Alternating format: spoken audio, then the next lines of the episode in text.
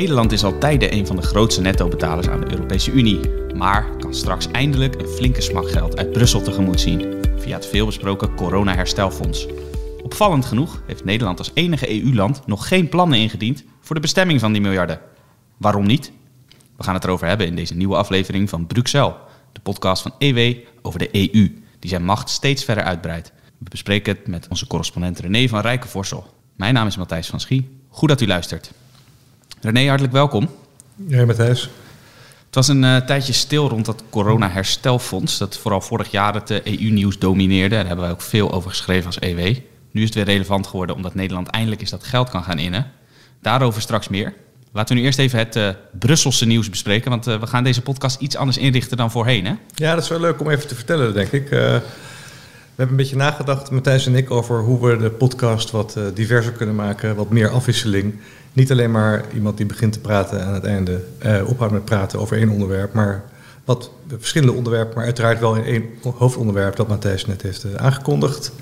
En ehm, ja, nou, we dachten, laten we eens kijken of dat, of dat werkt. Dat is ook leuk van podcasts, je kunt ermee experimenteren. Ja. En dat vind je ook, geloof ik, Matthijs. Precies, feedback van onze luisteraars is altijd welkom, dus dat kunt u in een recensie achterlaten. Of u kunt mailen. We hebben een e-mailadres ook voor deze podcast, bruxelles.ewmagazine.nl. Kunt u ook nog teruglezen in de beschrijving. Dus als u vragen heeft, klachten of juist positieve feedback, allemaal welkom op dat e-mailadres of via andere wegen. U weet ons te vinden. En dan wel even zeggen wel hoe je Bruxelles spelt, Matthijs. B-R-U-X-L. Ja, heel goed. En ja, dat is uiteraard de naam van de podcast die u nu luistert, maar het kan geen kwaad om het nog een keer te spellen ewmagazine.nl. Nou, dat uh, weet u hopelijk hoe u dat schrijft. Aan het einde herhalen we nog een keertje. Ja, precies. Oké, okay, René, het laatste Brusselse nieuws uit de stad Brussel. Dat hoeft dus niet per se over de EU te gaan, hè? Ja, het is dus uh, eigenlijk de, een, een, rubriekje waar we voortaan mee gaan aftrappen. Brussel is een, uh, behalve de stad van de Europese Unie, is het gewoon ook een rare stad waar te veel leuke dingen gebeuren om onvermeld te laten. Brussel, zoals veel luisteraars waarschijnlijk weten, bestaat uit 19 gemeenten.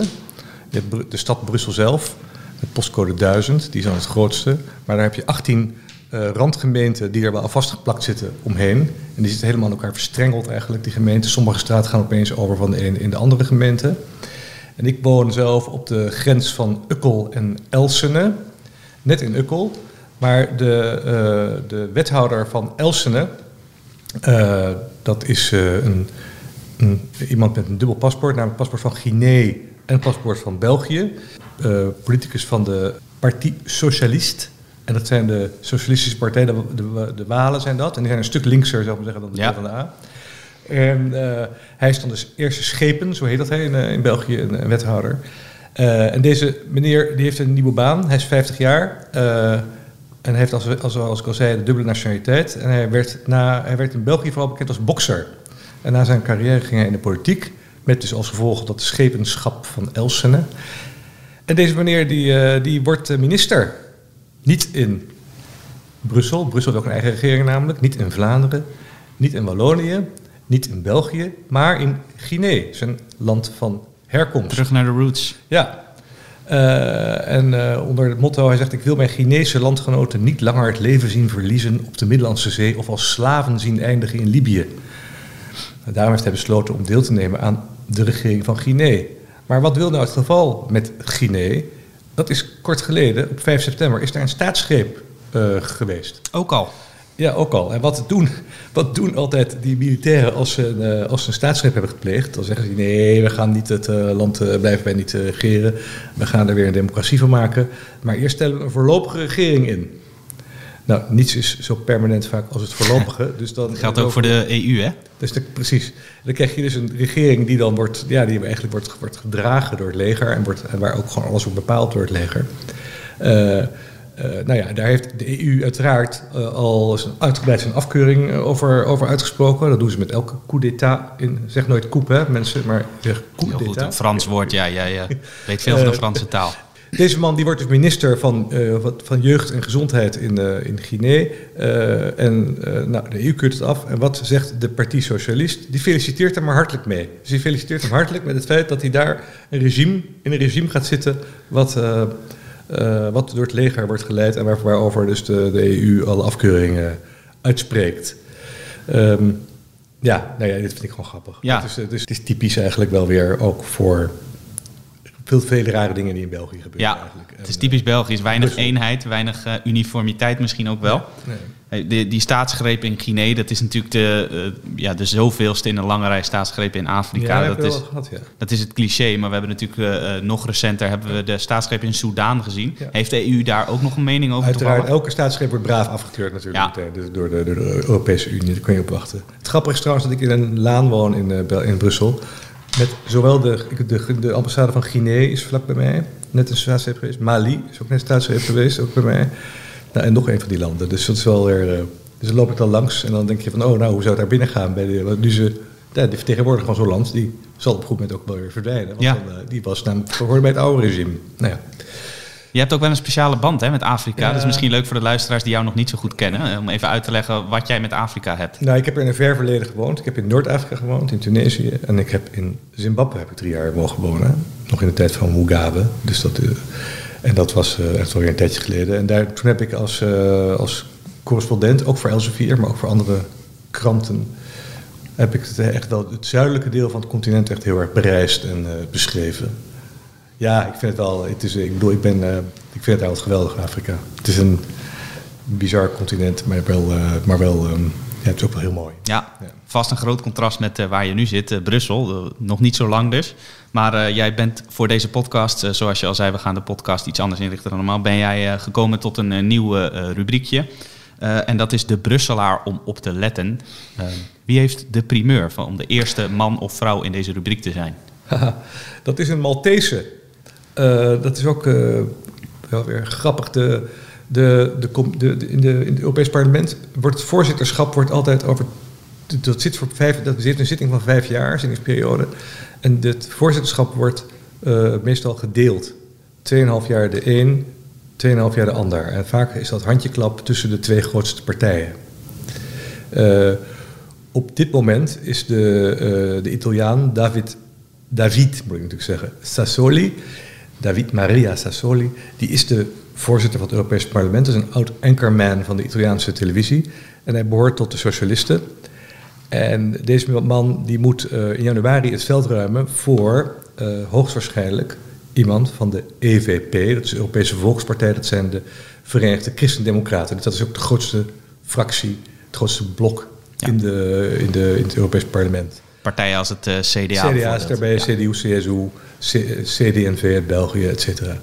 Eh, nou, dat is, een, eh, dat is, dat is de club die zeg maar, aanspraak maakt op het voorzitterschap straks. En iedereen verwachtte, ook mijn voorganger Jelte Wiersma nog in de speciale editie die, die we onlangs hebben uitgebracht, dat dat Manfred Weber zou worden, de leider van de EVP. En die zou dan de voorzitter van het Europees Parlement worden.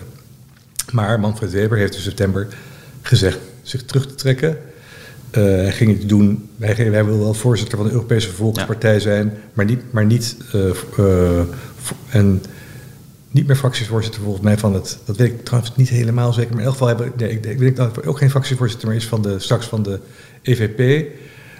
Maar wel, gaat wel de Europese Volkspartij leiden vanuit Duitsland, denk ik. En dan mm, vermoed ik dat hij ook zal opgaan straks voor eh, opvolging van Lachette als die het beeldje er neer, Hm. neergooit. Het zou me niet verbazen als hij dan, maar hij behoort tot de CSU, is een.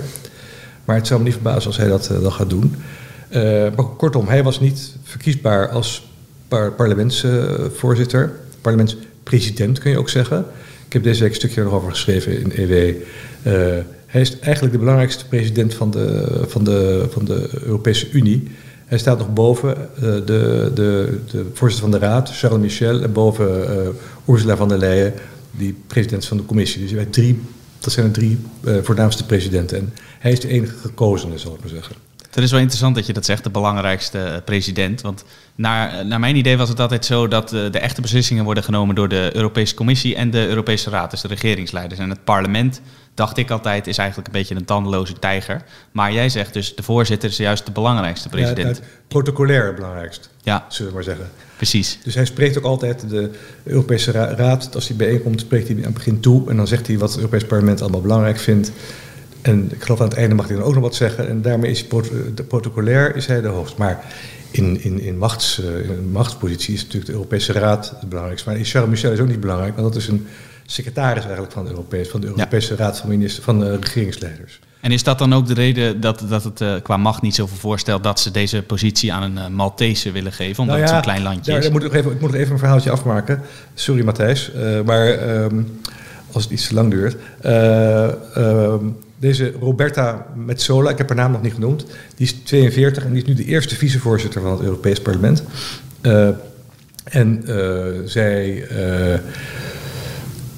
ja, zij maar gooit hoge ogen om Sassoli op te volgen. Mocht Sassoli niet op het laatst zeggen, ik blijf toch, hè, dat zou ook nog kunnen. En als hij dan alweer genoeg steun heeft vergaard bij andere partijen, dan zou het mogelijk kunnen zijn dat hij blijft zitten. Dus hij heeft geen maximale ambtstermijn? Nee, hij, zou voor een tweede keer gekozen kunnen worden. Maar het is, het is, de, het is uh, zo dat, ja, dat is niet, dat is niet comme il faut, zou ik zeggen, maar het kan wel. Maar goed, nu de, de eerste kandidaat nu voor, bij, de, bij de EVP om, um, om Dingetje op te volgen als fractievoorzitter, uh, om Weber op te volgen, is een Nederlandse. Dat is Esther de Lange. Die zit al heel erg lang in het Europarlement, wordt echt gezien als een veteraan. Maar die Metsola, die is dus de andere kaper uh, op de kust. Nou, Maltese, als je over Malta hebt dan, en kapers op de kust, dan is dat best een goede vergelijking. Um, ja, die wil eigenlijk ook, dat ook worden. En zij is dus al eerste vicevoorzitter van het uh, parlement, zoals ik zei. En zij maar gooit hoge ogen. Ze schijnt ook al de steun van de liberalen te hebben. Dat is de derde grote fractie in het, grootste fractie in het, uh, in Europarlement. En, en hoe doet zij dat? Dat heb ik van een aantal Europarlementariërs gehoord. Door al heel slim vanaf begin, vanaf dus begin van de zittingsperiode, deze zittingsperiode, bijna 2,5 jaar geleden, met iedereen die ertoe doet en die ze kan nodig kan hebben, kopjes koffie te drinken. En dat is toch echt het, uh, het glijmiddel van Brussel, kopjes koffie. Dus, uh, en, uh, en dat zou, dat, dat, daardoor worden haar kansen veel hoger aangeslagen dan die van Esther de Lange. Dus mocht Sassoli zijn post opgeven, dan moeten we in de gaten houden Roberta Metsola uit Malta, die dan goede kans maakt. Oh ja, als, als, mensen nog even willen weten waar zij door bekend is geworden, ze heeft maar één issue in haar hele leven, dat is gender, gelijke rechten nou. voor vrouwen.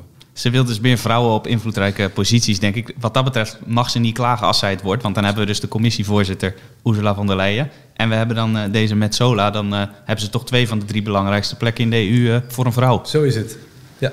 Nou, dan als zij het wordt, is in ieder geval een van die doelen binnen de EU van haar bereikt. Nou, dat is dus mevrouw Metsola, Brusselaar, om in de gaten te houden. Laten we nu dan gaan naar het hoofdgerecht van vandaag. het Corona-herstelfonds. Vorig jaar lag Nederland lang dwars. Uh, hebben wij, als gezegd, een heel uitgebreid verslag van gedaan. meerdere covers ook aangeweid. En nu kan Nederland daar eindelijk eens van gaan profiteren. Er kunnen miljarden worden geïnd. Als de Europese Commissie akkoord gaat met de bestemming van het geld. Dat is dus een voorwaarde. Maar Nederland heeft als enige EU-land nog niks ingediend qua plannen. Kunnen we eindelijk geld krijgen, doen we niks. Hoe kan dat? Ja, dat is heel simpel de, de, de, politici, de regerende politici van het, van het kabinet, van het nu demotionaire eh, kabinet Rutte, hebben gezegd wat laten wij over aan het nieuwe kabinet uh, om te besluiten wat zij met dat geld gaan doen. En die hebben dus eigenlijk over de formatie heen gedeeld. Waarschijnlijk niet wetende destijds dat de formatie zo ongelooflijk ja. lang zou duren. Uh, en het kan ook, want de plannen, uh, de plannen moeten pas halverwege 2022 uiterlijk zijn ingediend. Maar het laat onverlet dat het wel raar is. Want de, van alle uh, landen hebben, 26 van de 27 landen hebben wel hun plannen ingediend.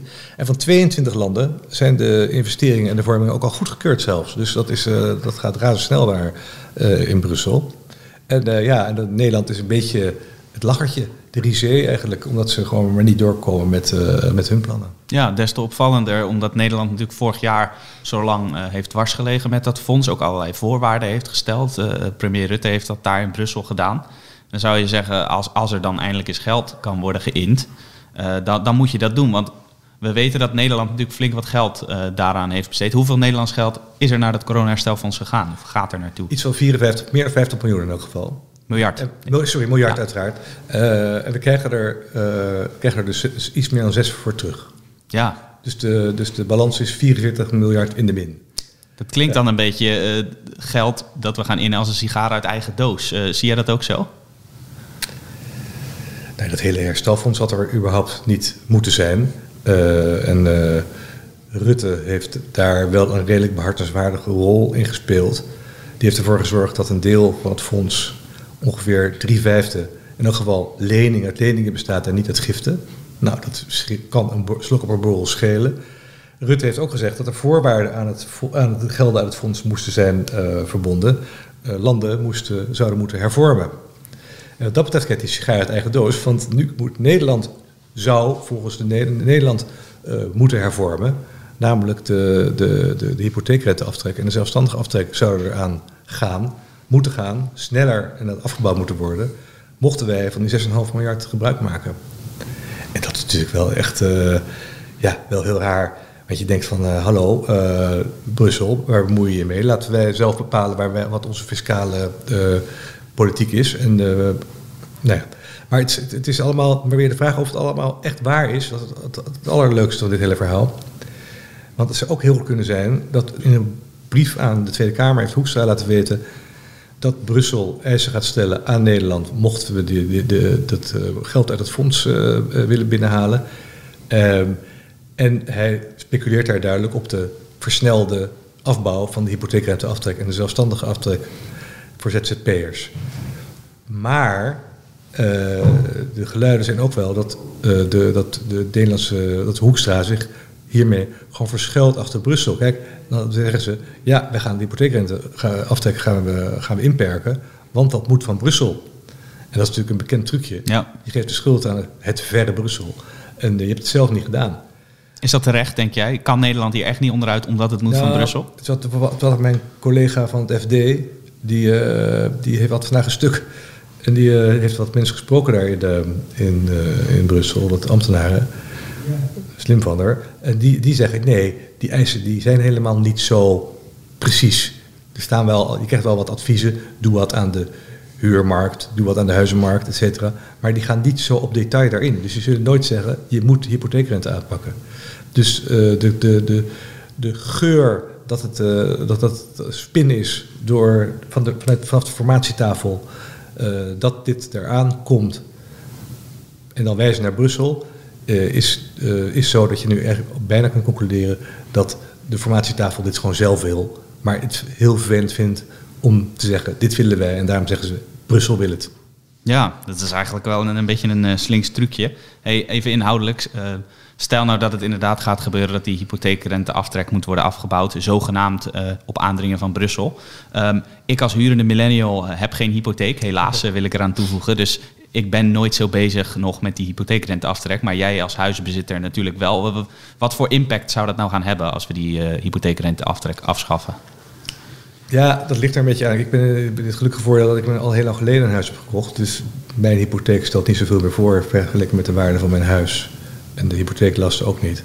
Maar als je net een huis hebt gekocht, uh, voor, tegen maxima, maximale, nou ja, voor, nee, dat je maximaal hebt gekocht. Want veel mensen, veel jongeren moeten dat doen, want die komen ja. anders niet aan een huis. En die zitten avond aan avond sommetjes te maken of ze het allemaal, gaan, of ze gaan trekken de, de komende jaren. En dan zitten in die sommetjes zitten ook berekeningen die uitgaan van een bepaalde hoogte van hypotheekrenteaftrek. En als opeens dan wordt gezegd, nee, je gaat minder krijgen, dan zitten die mensen toch, nou ja, zitten met sommetjes die niet meer kloppen. En misschien ook wel met, uh, nou ja, dat ze toch wel in elk geval uh, het minder en minder leven, gaan, minder leven gaan leiden dan ze zich hadden voorgesteld. Ja, ik vind dat niet zo netjes eerlijk nee. gezegd. Als je dan, dit heet de doelpalen verschuiven halverwege de wedstrijd eigenlijk. Precies. Dat is al een beetje gebeurd al met de hypotheekrente. Maar als je heel rustig afbouwt, ja, dan heb je wat meer tijd om je sommetjes op orde te krijgen. Maar als het heel snel zal gaan, ja, dan zullen ja, jouw generatie, Matthijs, dus rond de 30, die net gewoon echt uh, zwaar in de bijl hebben getast om een, eindelijk dat huis te kunnen kopen.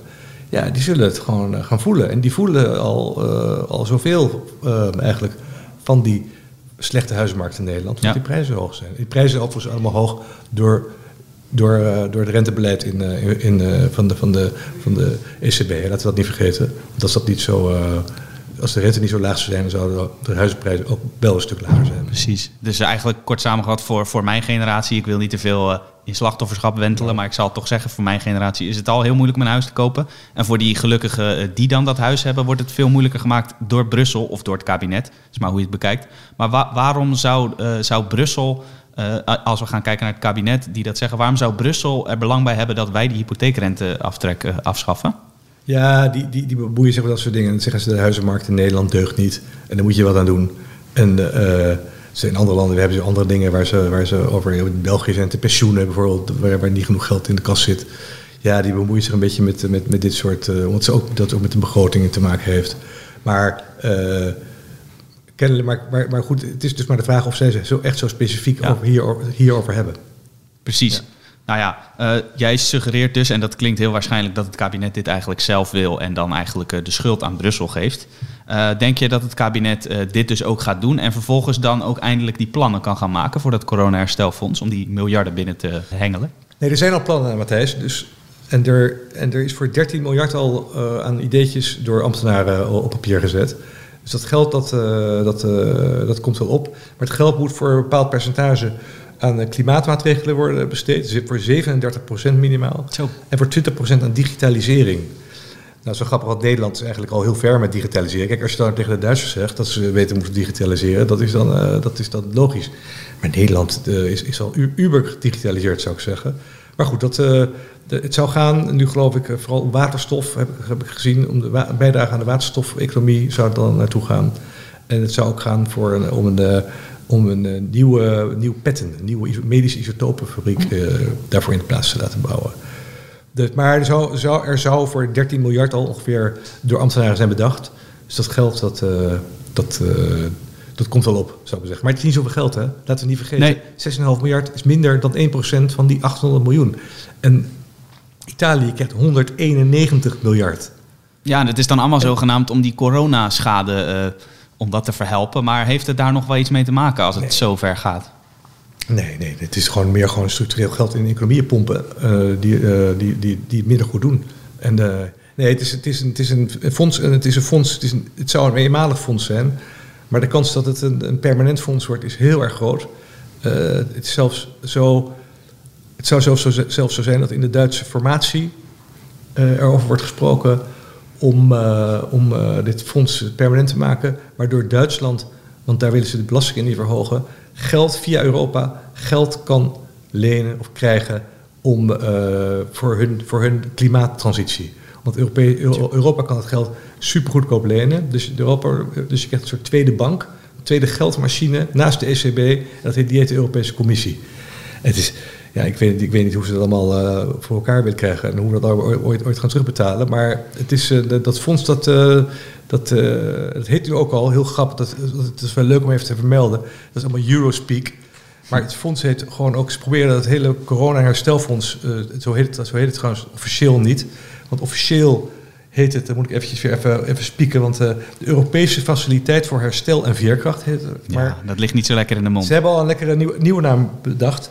Next Generation EU. En dat, en da, dat pushen ze heel erg, zodat het weg wordt gehaald van corona. Dat, hele, dat hele, ja. hele hè, dus dat het. Uh, en, uh, uh, en, en ja, dat, dat Next Generation EU, dat is een levensgevaarlijk fonds waar echt, waar echt straks gewoon ja, iedereen vrijelijk uit kan, uit kan lenen of met een goed verhaal kan krijgen. En dan is het ook nog eens een keer zo. En dan moet Nederland natuurlijk ook weer extra aan gaan bijdragen. En dan is het ook nog een keer zo dat Nederland ook mocht het zo zijn dat uh, straks, uh, want een deel is het leningen, maar stel je voor dat Italië, zeg maar, die 190 uh, geleend. Stel je voor, dat ongeveer daarvan is zal, zal 80 miljard, miljard zijn ongeveer aan leningen. Stel je voor dat ze die niet kunnen terugkrijgen.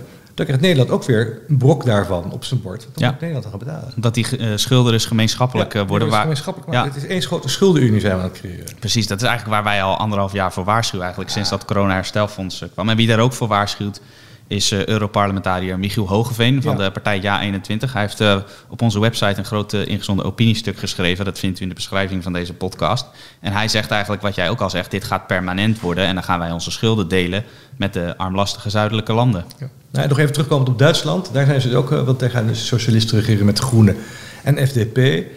Ik had eerlijk gezegd mijn hoop een beetje gevestigd op die Christian Hörner van de. Heet toch Hörner? Nee, uh, Lindner. Linker, sorry. Hörner is Christian Lindner. Is Hörner een voetballer of zo, of niet? Dat weet ik niet. dat zou kunnen. Op Christian Lindner, Lindner van de FDP, want dat is, die is nogal een, een stijl, stijl, fiscaal nogal stijl. Maar ik heb, eh, eh, volgens mij, als ik het goed begrijp, zitten ze nu of te denken van we maken dat, eh, dat, dat eh, Next Generation EU, onthoud die naam, eh, maken we permanent en dan gaan we mee akkoord. Of eh, we gaan het eh, ESM gaan we oprekken, dat is het stabiliteitsmechanisme. het, eh, en dat, eh, wat, wat zegt dat je maar 60% eh, aan van, je, van je BBP aan schuld mag hebben. Eh, en die willen dat gaan oprekken, de Duitsers, naar 100%.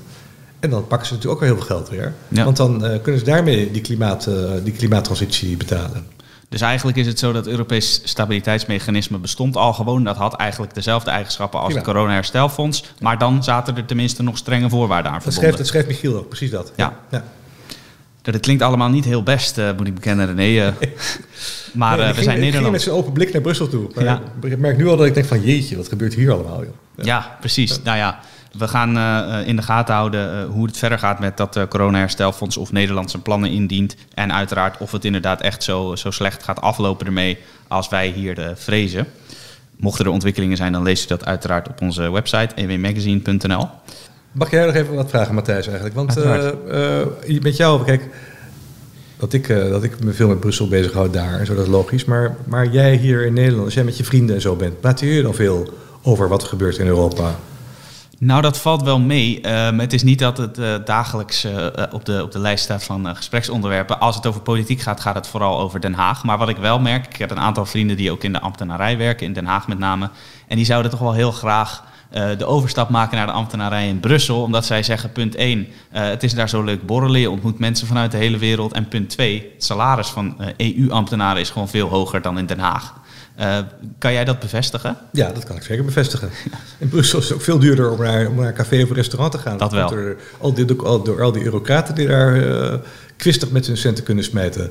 Nee, dat is, eh dat is, we verdienen zeker veel meer. Maar als Nederlanders, als jouw vrienden willen werken in Brussel, dan moeten ze meedoen aan het concours. Hè? En in Nederland, Nederlanders doen bijna niet mee aan het concours, gek genoeg. Nee. Dus, dus, dus maar een relatief klein aantal ehm, eh, ambtenaren is Nederlands. Het zijn vooral veel Belgen uiteraard. Ook geloof ik veel Fransen, veel Italianen, Italianen die er werken. Ja, nou dan moet dat dus omhoog, dat aantal eh, Nederlandse ambtenaren. Ja. En dan moeten zij natuurlijk wel het Nederlandse belang eh, gaan verdedigen. En om te weten hoe ze dat kunnen doen, kunnen ze dan weer het beste jouw eh, stuk in EW lezen. Ja, ja en, en, en als ze straks in Brussel zitten, moeten ze mijn bron worden natuurlijk. Zo is het inderdaad. Zo helpen we elkaar en helpen we hopelijk ook Nederland. Nou, dat was dan mijn generatie. Als jullie luisteren, neem de, de raad van René ter harte en zorg dat je daar bij dat concours komt. Hey, eh, laten we nog eventjes vooruitblikken eh, naar wat er eh, de komende weken staat te gebeuren in Brussel. Jij zei het eigenlijk al voor deze podcast tegen mij. Er gebeurt zo ontzettend veel in Brussel. Ik kan het allemaal niet bijhouden. Maar wat is nou het belangrijkste waar wij de komende weken op moeten letten?